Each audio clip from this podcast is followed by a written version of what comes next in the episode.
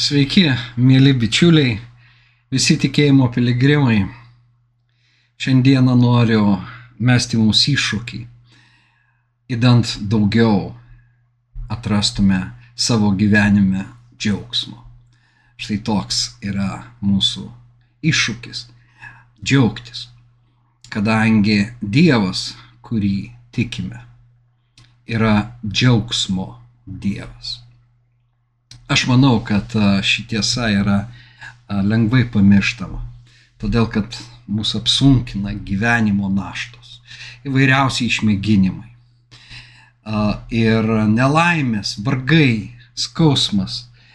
Ir galiausiai, na, pro visą tą debesį regėti tą saulę, kuri yra ir džiaugsmo saulė, džiaugsmą teikianti, gyvenimo džiaugsmą nešanti, saulė ne, teikiantis šaltinis. Yra tikras iššūkis.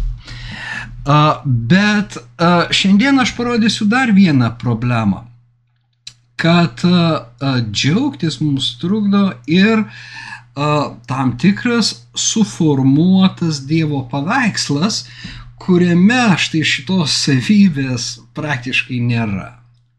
Iš tiesų apie uh, tikėjimo džiaugsmą mm, per bažnyčios istoriją buvo kalbama, kai kurie autoriai uh, sustodavo ties šitą mintim, bet uh, sakyčiau nepakankamai ir 20 amžiaus apie uh, ten 8-9 uh, dešimtmetį pradėta kalbėti apie Jėzų, kuris juokėsi. Net filmas tokiu pavadinimu pasirodė ir tai buvo kaip sensacija, nes, na, mes įpratę matyti Jėzų rūpintojėlio uh, išraišką, o Jėzus, kuris juokėsi yra iš, na, tikra revoliucija. Tačiau už tos atrodytų banalios a, tiesos slypi labai gili a, teologinė, a, teologinis pamatas, gilus teologinis pamatas. Ir a, imkime ir reikime tiesiai prie a, teksto, kuris bus mūsų a, vedlys šį kartą. Ir tai yra Luko Evangelijos 15 skyrius ir mes pasižiūrėsime taip pat ir į Senąjį testamentą, bet pradžioj nuo Evangelijos. Pradžia, kaip visuomet, čia.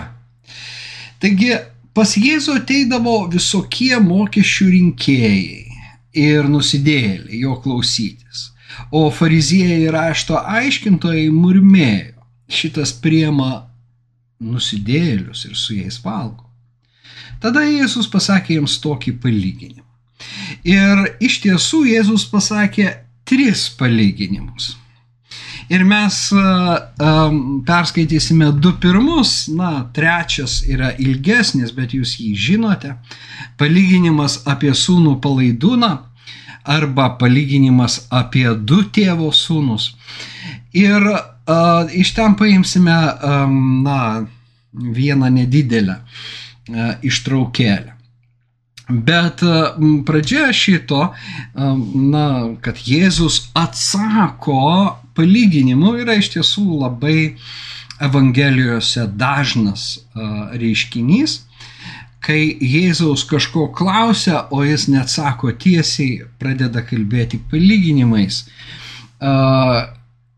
na, kurie, kurie uh, sukelia ir pasipiktinimą, ir perveria širdį, na, čia jau priklauso nuo klausytojo. Bet, uh, reiškia, piktinosi tuo, kad Jėzus supa nusidėlį kad, na, žydų tauta dievo baiminga, religinga tauta, besilaikanti, na, protėvių tradicijos, senolių tradicijos, na, ir kuri kyla iš toros, iš Dievo žodžio ir mm, laukianti mesijo, besirošianti mesijiniam karui, ne tik su Roma, bet su visom pagonių tautom. Na ir šitas mokytojas kuris skelbia Dievo karalystę, o Dievo karalystė kaip savoka jau buvo mesijinis terminas, kad štai Dievo karalystė tarp jūsų. Štai ji jau atėjo, štai ji jau čia. Nebereikia jos laukti, ji jau prasidėjo. Be abejo, na, netilpo jokius rėmus, nes jie turėjo savo Dievo karalystės lūkesčių. Ir ne tik jie, ir Jėzaus mokiniai, jeigu mes skaitome Evangeliją, jie patys skelbė Dievo karalystę, bet ją suvokė a, iš tiesų pagal judėjų tradiciją. Ir po truputį Jėzus keičia tuos a, suvokimus, tas teologinės paradigmas. Ir čia yra viena iš tų situacijų, kai lūkestis buvo, kad šventas mesijas, na, sutryps nusidėlius. O štai šitas mokytojas su jais sėdi prie vieno stalo. Jis negali būti mesijas, nes mesijas bus šventas. Taip jie įsivaizdavo. Na, Jėzus buvo šventas, bet ne taip, kaip jie įsivaizdavo. Ir uh, iš karto užbėgdamas už akių pasakysiu, kad Jėzaus džiaugsmas ir tas gyvenimo džiaugsmas, kurį jis dovanojo žmonėms, buvo viena ryškiausių jo šventumo charakteristikų. Jo šventumas pasireiškė džiaugsmu. Na va, neapsimestiniu, nedirbtiniu, tikrų džiaugsmu. Ir štai jisai sako tokį palyginimą. Kas iš jūsų turėdamas šimtą avių ir vieną iš jų praganęs, nepalieka 99 dykumoje ir neieško pražuvelės, kol ją suranda. Na, jie galvoja iš tiesų, mes taip elgtumėmės. Suradęs apsidžiaugia, dedas ją ant pečių ir grįžęs namo susikviečia bičiulius bei kaimynus ir sako jiem, džiaukitės kartu su manimi, radau savo avį, tą pražuvelę. Sakau jums, taip danguje bus daugiau džiaugsmo dėl vieno atsiverčiančio nusidėlio negu dėl 99 teisiųjų kuriems nereikia atsiversti. Aš mėginau džiaugsmą išryškinti šitame tekste, bet dabar skaitau, matau, kad ne viską pažymėjau. Iš tiesų, tris kartus džiaugsmas minimas šitame pirmame palyginime. Ir be abejo, jisai kontrastuoja su murmėjimu. Fariziejai murma, Jėzus bendrauja, dalyjasi duona, su žmonėmis, kuriuos jie laiko nusidėliais, na, o save šventais teisėjais ir todėl jie murma. Dėl tokio, na jau ką ten mesijo, dėl tokio rabio elgesio. Na, jie murma, taip negalima, taip neteisinga. Na, jis pats yra nusidėlis, tą mes skaitome, pavyzdžiui, Jono Evangelijoje. Ir žodžiu, jie yra nepatenkinti. Ir Jėzus sako, štai, štai tokia situacija. Ir staiga toj uh, istorijoje, kurią jis pasakojama, jisai sako, džiaugiasi uh, ganytojas suradęs pražuvelę avį. Ir jis susikviečia kaimynus ir sako, džiaukitės su manimi. Ir tada šuolis nuo žemės į dangų, danguje bus daugiau džiaugsmo. O iš kuris žino, kas ten bus danguje. Bet jei jau mes tikim šiandien, kad tai tas, kuris atėjo iš dangaus ir kuris pasakė, niekas nėra užžengęs į dangų. Niekas nėra nužengęs iš dangaus, tik žmogaus sunus. Jis žino, kas kaip ten yra. Ir jis pradeda kalbėti apie džiaugsmą danguje dėl žmogaus, kuris grežiasi į Dievą. Šiuo atveju, kuris grežiasi į Jėzų, sėdasi prie vieno stalo, bendrauja su juo, atsiveria, pasitikė juo. Antras palyginimas iš tiesų yra praktiškai identiškas, a, tik tai čia jau moteris, arba kuri moteris turėdama dešimt drachmų ir vieną pametusi neužsidega žibinto, nešluoja namų ir rūpestingai neieško, kol randa. Radusi ji susikviečia bičiulės bei kaimynės ir sako, džiaukitės su manimi. Ir vėl aš nepažymėjau šito. Džiaukitės su manimi. Jis nenori viena džiaugtis. Jis nori tuo džiaugsmu pasidalyti su savo draugėmis. Radau drachmą, kurią buvau pametusi. Sakau jums, taip Dievo angelų akivaizdoje kyla džiaugsmas dėl vieno atsiverčiančio nusidėlio. Na ir um, štai mes priartėjame jau prie labai, na, biblistų diskutuotos, plačiai aptariamos temos apie, nes pirmų atveju yra pasakoma, kad ten kyla, reiškia, danguje bus džiaugsmas dėl atsiverčiančio nusidėlio. O čia pasakoma truputį kitaip. Dievo angelų akivaizdoje kyla džiaugsmas. Dievo angelų akivaizdoje. Beje, jeigu jūs skaitote mm,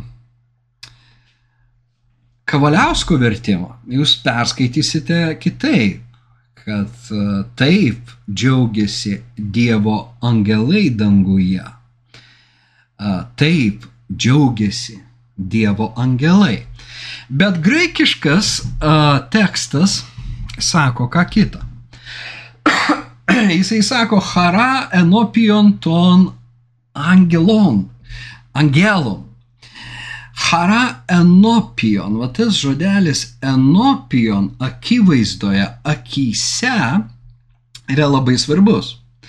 Todėl, kad jį dažnai sutinkame, na pavyzdžiui, Luko 1.19 enopion tu theu. Tai vad, enopion tu theu Dievo akivaizdoj, Dievo akise, jis bus didis Dievo akise na, nebijokite, jūsų, jūs vertesni už virblius. Na, daug kartų Dievo akise jūs vertesni už tą žvirblį. Dievo akivaizdoj, Dievo akise. Šita frazė yra įprasta.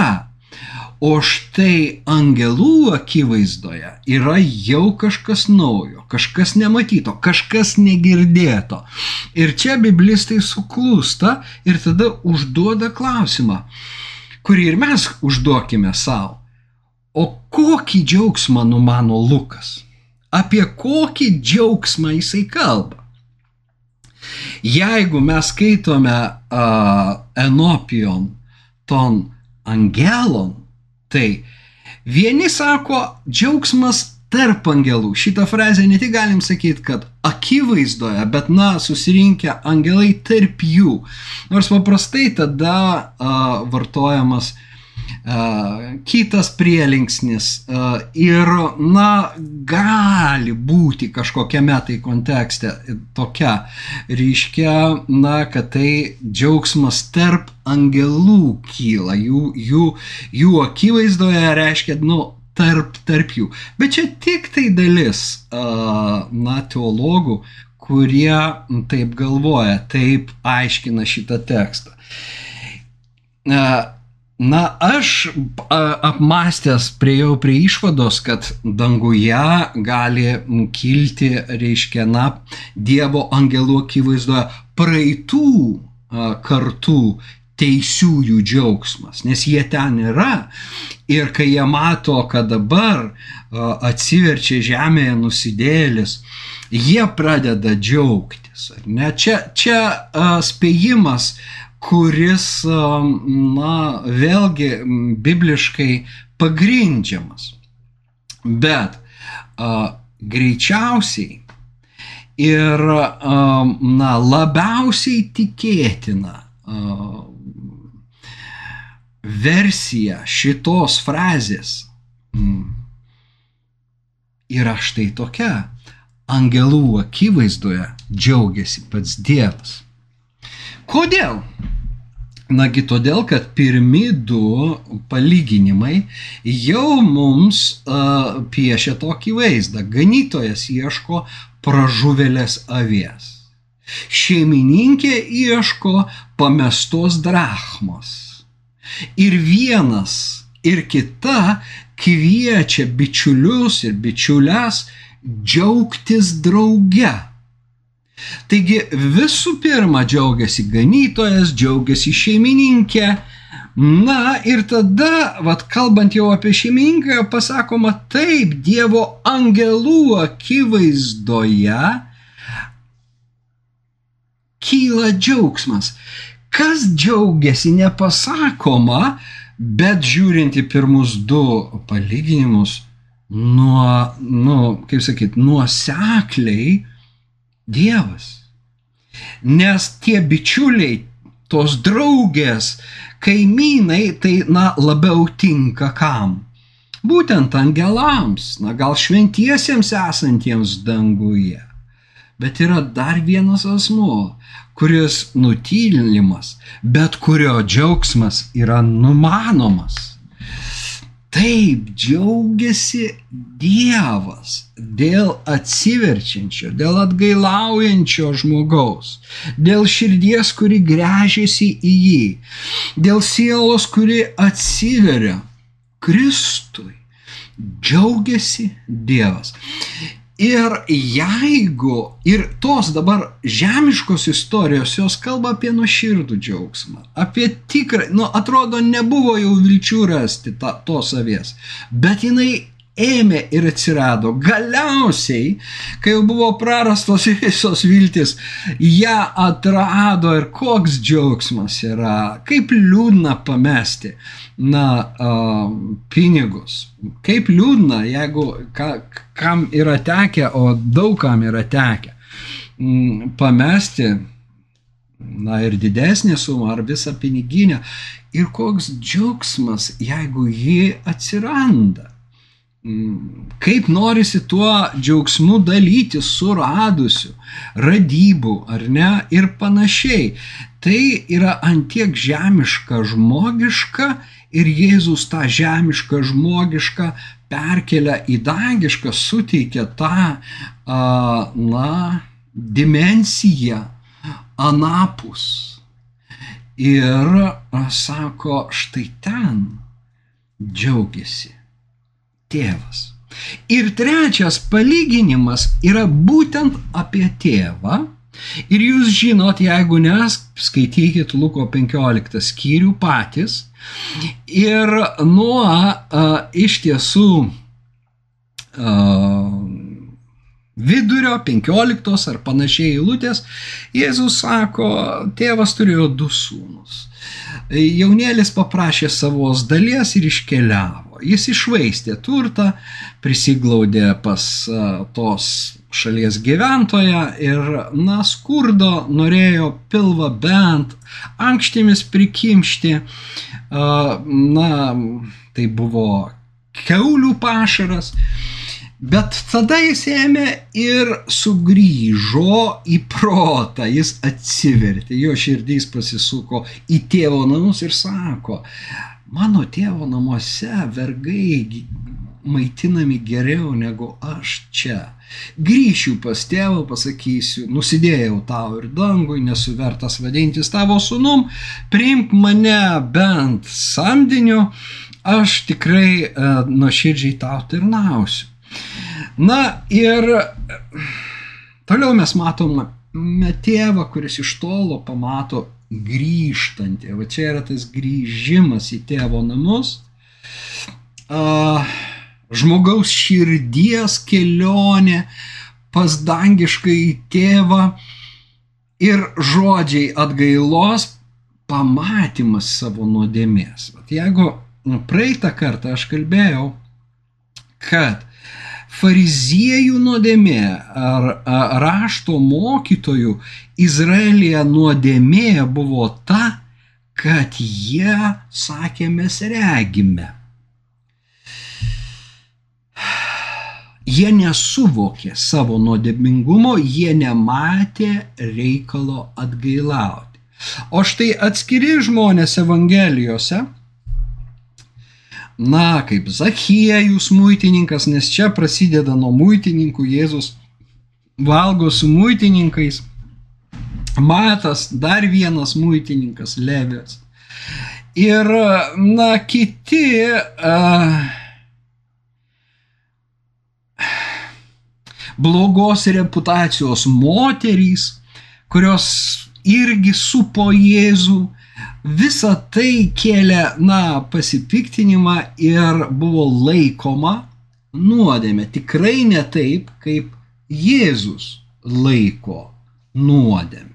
Ir va čia vat, yra ta, tai, kas, jeigu jūs neklausėt praeito, na, praeitos laidelės, būtinai paklausykit ją, nes, nes čia mes tarsi uh, žengėme dar vieną žingsnį į priekį ir pamatome tą vat, sūnų palaidūną atgailaujantį tėvas jį, pas, pamato iš tolo, bėga pas jį, tėvas pas sūnų apkabina, o tada tarnams sako, na, iš tiesų aš jau turiu tą ir išrašęs po to, kai Sūnus pasako, kad nebesu vertas vadintis tavo sūnumi.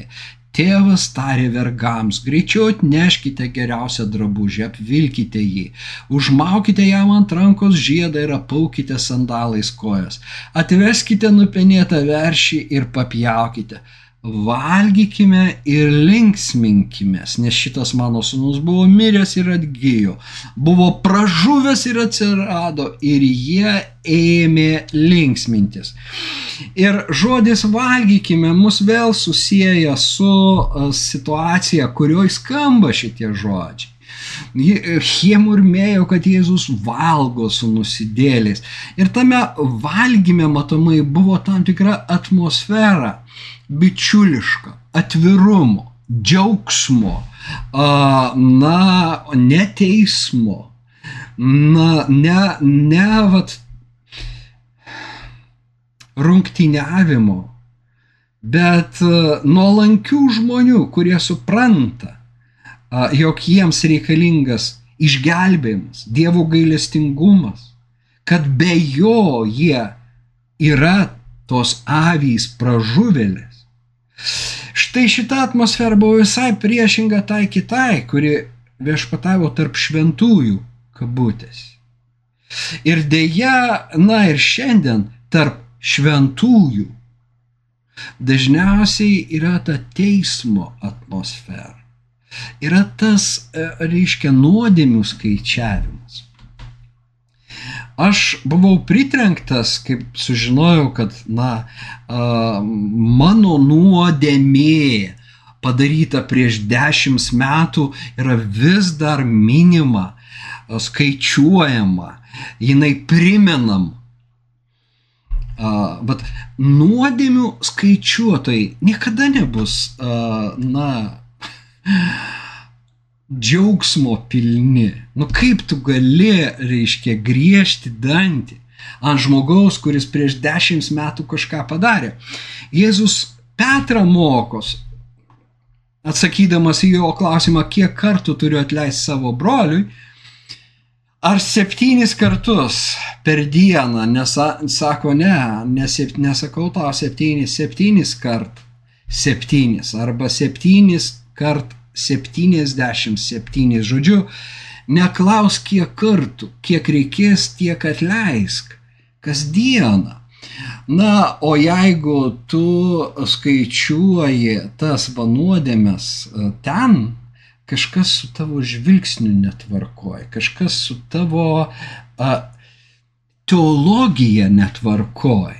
Joje trūksta džiaugsmo Dievo, kuris atleidžia mums mūsų kaltes ir nuodėmes, kuris apglebia kiekvieną iš mūsų, jei tik mes pasigrįžtame. Tada e, gaunasi tas, kad geriau, kad negrįžtų tie žmonės. Geriau jie gyventų, nesikiški bažnyčios reikalus, tu nusidėjėlį. Santykis, ar ne? Santykis. Mes kalbam apie santykį.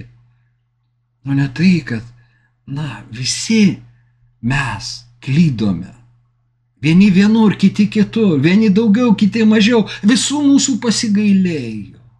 Todėl jam vienam garbė. Todėl mes broliai ir sesės, mes galim draugauti. Aš atleidžiu, nes man buvo atleista. Aš dalyvauju, nes tėvas mane apglebė ir apdovanojo ir žiedų, ir drabužiu. Senajame testamente drabužis yra, na, tarnystės pašaukimo simbolis. Ar ne, krenta pranašo apseustas ir jo mokinys jį pagrebė. Mm, Elijo apseustą pasiema Eliziejus, kuris tęsė jo misiją. Ar ne? Va kokia atmosfera turi būti tikėjimo bendruomenėse. Bet ten turi būti gyvas džiaugsmo Dievas. Štai kaip mes, na, nuėjom. Bet tada ateina vyresnysis sunus ir pradeda priekaištauti tėvui. Tėve, taip neteisinga, tu iškėliai didžiausias vaišės. Štai šitam tavo a, sūnui, kuris su kekšėmis praleido tavo turtą. O man tu nedavėjai nei ožiuko su draugais pasilinksminti, aš tiek metų tau tarnauju.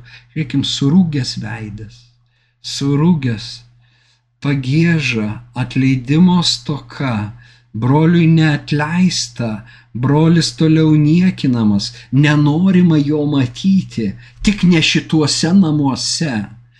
Tau čia ne vieta, a, tu raupsais aptekęs, tu nuodėmiai gyveni. Va šitas santykis, kaip įdomu, kad jisai iš judaizmo perėjo į bažnyčią. Ir bendruomenėse jis labai gyvas, labai gyvas iš tiesų. Labai gyvas. Ir aš čia galėčiau dar bandyti, na, plėsti tą mintį, bet galbūt, na, reikia sustoti, aš palieku jums patiems. Kodėl? Kodėl taip lengva tapti tuo vyresniuoju sunum, sunkiai triūsinčiu bažnyčioje, tarnavime, na, tėvo laukuose, bet taip sunku, reiškia, na, pasidžiaugti muitininkų, tai yra mokesčių rinkėjų kompanijoje. Nes reikia laikyti tą šventumo išoriškai sukurtą kaukę, tu negali būti tikras žmogus, tu negali būti tikras. O kai mes netikri, kokią ten evangeliją mes kelbėm, apie kokį Dievą mes galim šnekėti ir apie kokią brandą iš viso kalba eina. Tai va čia yra be galo didelis šūkis, aš nemetu to, a, reiškia, tik tai, na, kitiems, bet ir savo. Prisimindamas, kad Galatams, na, užrašęs dvasios derlių, apaštalas sako, dvasios derlius yra džiaugsmas pradeda jis nuo džiaugsmo. O filipiečiams laiške, sakau jums, broliai, džiaukitės ir dar kartą džiaukitės, man tai rašyti nesunku. Ir vėl sakau, džiaukitės. A, džiaugtis ir va, a, tikintys kaip a, džiaugsmo, mm, na kas, tarpininkai, kurie džiūgauja dangaus džiaugsmu ir spinduliuoja tą džiaugsmą. Toks yra prabudimas, jis uždega širdis, jis paliečia žmogų, bet drauge ir veda į atgailą. Dušta susikurti imidžai, na, stabai, kaukės, ateina tikrumas, tikrovė, gyvenimas.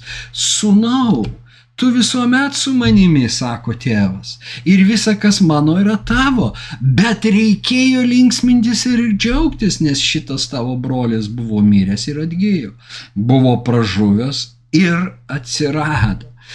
Na ir akivaizdu, kad tas vyresnysis sunus yra tie fariziejai, pir, pir, pirma paminėti skyriaus pradžioje ir pačiam skyriaus gale mes išgirstam atsakymą, jūs turėtumėte džiaugtis, jūs turėtumėte prisijungti prie šito stalo.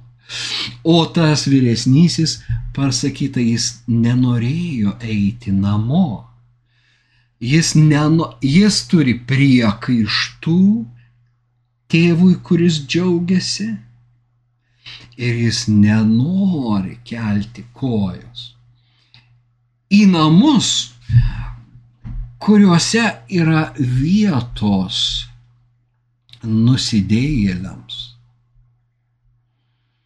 Jis įsitikinęs, kad tėvo namai tai yra šventųjų namai. Tai tiesa, tik tai šventumas yra klaidingai suvokiamas, kaip ir Dievas klaidingai suvokiamas.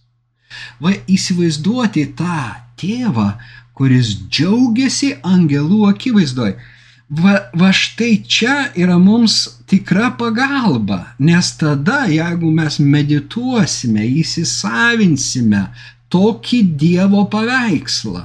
Jis džiaugiasi dėl manęs ir dėl kitų, kai aš jam atsiveriu, kai aš nesislepiu nuo jo, kai aš grįžtu pas jį. O kam nereikia pas jį grįžti? Na va, vyresniam sūnui, kuris tiek metų jo namuose, bet staiga gale pasirodo, kad ir jam reikia grįžti ir jo grįžimas yra sunkesnis. Nes vienas save kaltina, o kitas kaltina tėvą. Koks tu tėvas, koks tu šventumo dievas. Jeigu tai šventumo dievas, kaip suprasti šitos šokius, šitą muziką. Labai įdomi istorija užrašyta antroje Samuelio knygoje, šeštame skyriuje, kai karalius Dovydas parsigabena sandoros skrynę į Jeruzalę, į savo namus, na, į Dovydo namus. Keliauja skrynę ir karalius eina ir šoka šoka iš visų jėgų. Paskaitykite antrą Samuelio šeštą skyrių. Ir štai jo žmona Mikalė, su kuria Dovydui santoka nebuvo laiminga. Skaitykite visą istoriją apie Dovydą ir Mikalę ir pamatysite. Jis mylėjo uh, Mikalę, bet na, Mikalė padėjo jam vienu na, atveju, bet visgi jinai buvo Sauliaus duktė. Ir niekaip jie nesusišnekėdavo. Ir štai prieina Mikalė ir sako, ar karalius taip save pažemino savo tarnų, tarnaičių akise kaip tu leidai savo šokti, savo džiaugtis, savo linksmintis. Vėlgi jos mm, karaliaus, dievoto karaliaus portretas neturi savie džiaugsmo charakteristikos. Todėl, kai jinai pamato savo vyrą, kuris yra karalius, na, besidžiaugianti, liaudės akise, reiškia, prastuomenės, kitų izraelito akise ir, ir, na, jinai nebegali, jinai ateina ir priekaištauja Dovydą. Kaip tu taip galėjai? Į ką Dovydas atsako, ašgi prieš viešpatį džiaugiausi. Bet žmonių akise, kuriuos tu paminėjai, ir tų tarnaičių akise, aš būsiu gerbiamas. Aš būsiu gerbiamas. Ir po to, na, metraštininkas pasako, Mikalė liko be vaikų visą gyvenimą. Štai tokia e, istorija prisimena, na, baigiant skaityti Luko 15 skyrių. E, na ir galvojant apie tą vyresnį sūnų, kuris priekaištauja tėvui, kuris yra Dievo uh, įvaizdis. Uh, ir supranti, kad tas dvasingumas sakykime, na, judėjų, fariziejų. Na, jis buvo nevaisingas, jis nesusilaukė vaisiaus. O štai a, džiaugsmo Kristus, džiaugsmo Dievas po šiai dienai neša a, vaisius, pavydėtinimus vaisius žmonių gyvenime, nes mes sukurti gyvenimui, kuriame džiaugsmas. Ne tai, kad gali būti, jis neišvengiamas. Jis, jis yra gyvenimo dalis ir nemaža turėtų būti. Bet didelė gyvenimo dalis. Jūs matot, kaip mums trukdo teologinės paradigmos, kurias mums įkalė Taip, aš žinau, kad yra tokių, na, um, sakykime, valios pastangom džiaugtis, uh, nu, tokių bergžių pastangų dabar suorganizuoti džiaugsmą. Ir kartais, na, tai iš tiesų vėl atsisuka į priešingą pusę ir, ir na, formuojama tokia džiaugsmo religija. Bet pats džiaugsmas jau, na, suvokiama Na, tik paskaitykite, yra džiaugsmo terapijos, yra džiaugsmo ar ten juoko joga. Reiškia, na, vad, džiaugsmas padeda uh, lieknėti, džiaugsmas, reiškia, yra, na, naudingas tavo sveikatai. Bet, reiškia, nekalbama apie šaltinį Dievo, bet jau kalbama apie uh, pasiekmes. Na, kad džiaugsmas yra pozityvus reiškinys, bet kaip dabar tą džiaugsmą mums sugaminti, va čia yra a, jau kitas klausimas. Ateiti pas Kristų, kuris yra džiaugsmo šaltinis išgelbėjimas. Pranašas Izaijas sako, su džiaugsmu semsite iš išgelbėjimo šulinių arba išgelbėjimo šaltinių su džiaugsmas. Džiaugsmas. Apie džiaugsmą daug galima būtų. Aš, aš e, dabar mes e, tiesiog pa, pa, pamėginom parodyti, kad džiaugsmo Dievas yra labai biblinio Dievo, na, portretas.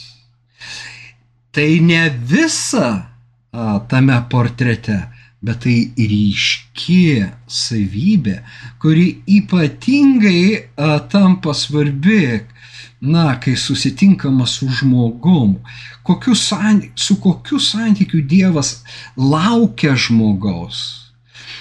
Ne su tuo, kad aš tave na, pasmerksiu, nubausiu, aš tavo nuodėmės išieškosiu, aš tavo skolas, reiškia, bet jis laukia, jei tik tu krustelsi, mano pusėn, tavo širdis tik sujudės, aš tave apkabinsiu, pabučiuosiu, aš tave prengsiu, aš su, sukelsiu tau pokylį ir, kaip žadėjau, dabar jau Senojo testamento pranašai sako Izraeliui, bet čia mes matome tą džiaugsmo dievą, sako, Krikštauk iš džiaugsmo Jono dukterie, šauk Izraelį, visa širdim džiaugis ir džiūgauk dukterie Jeruzalė.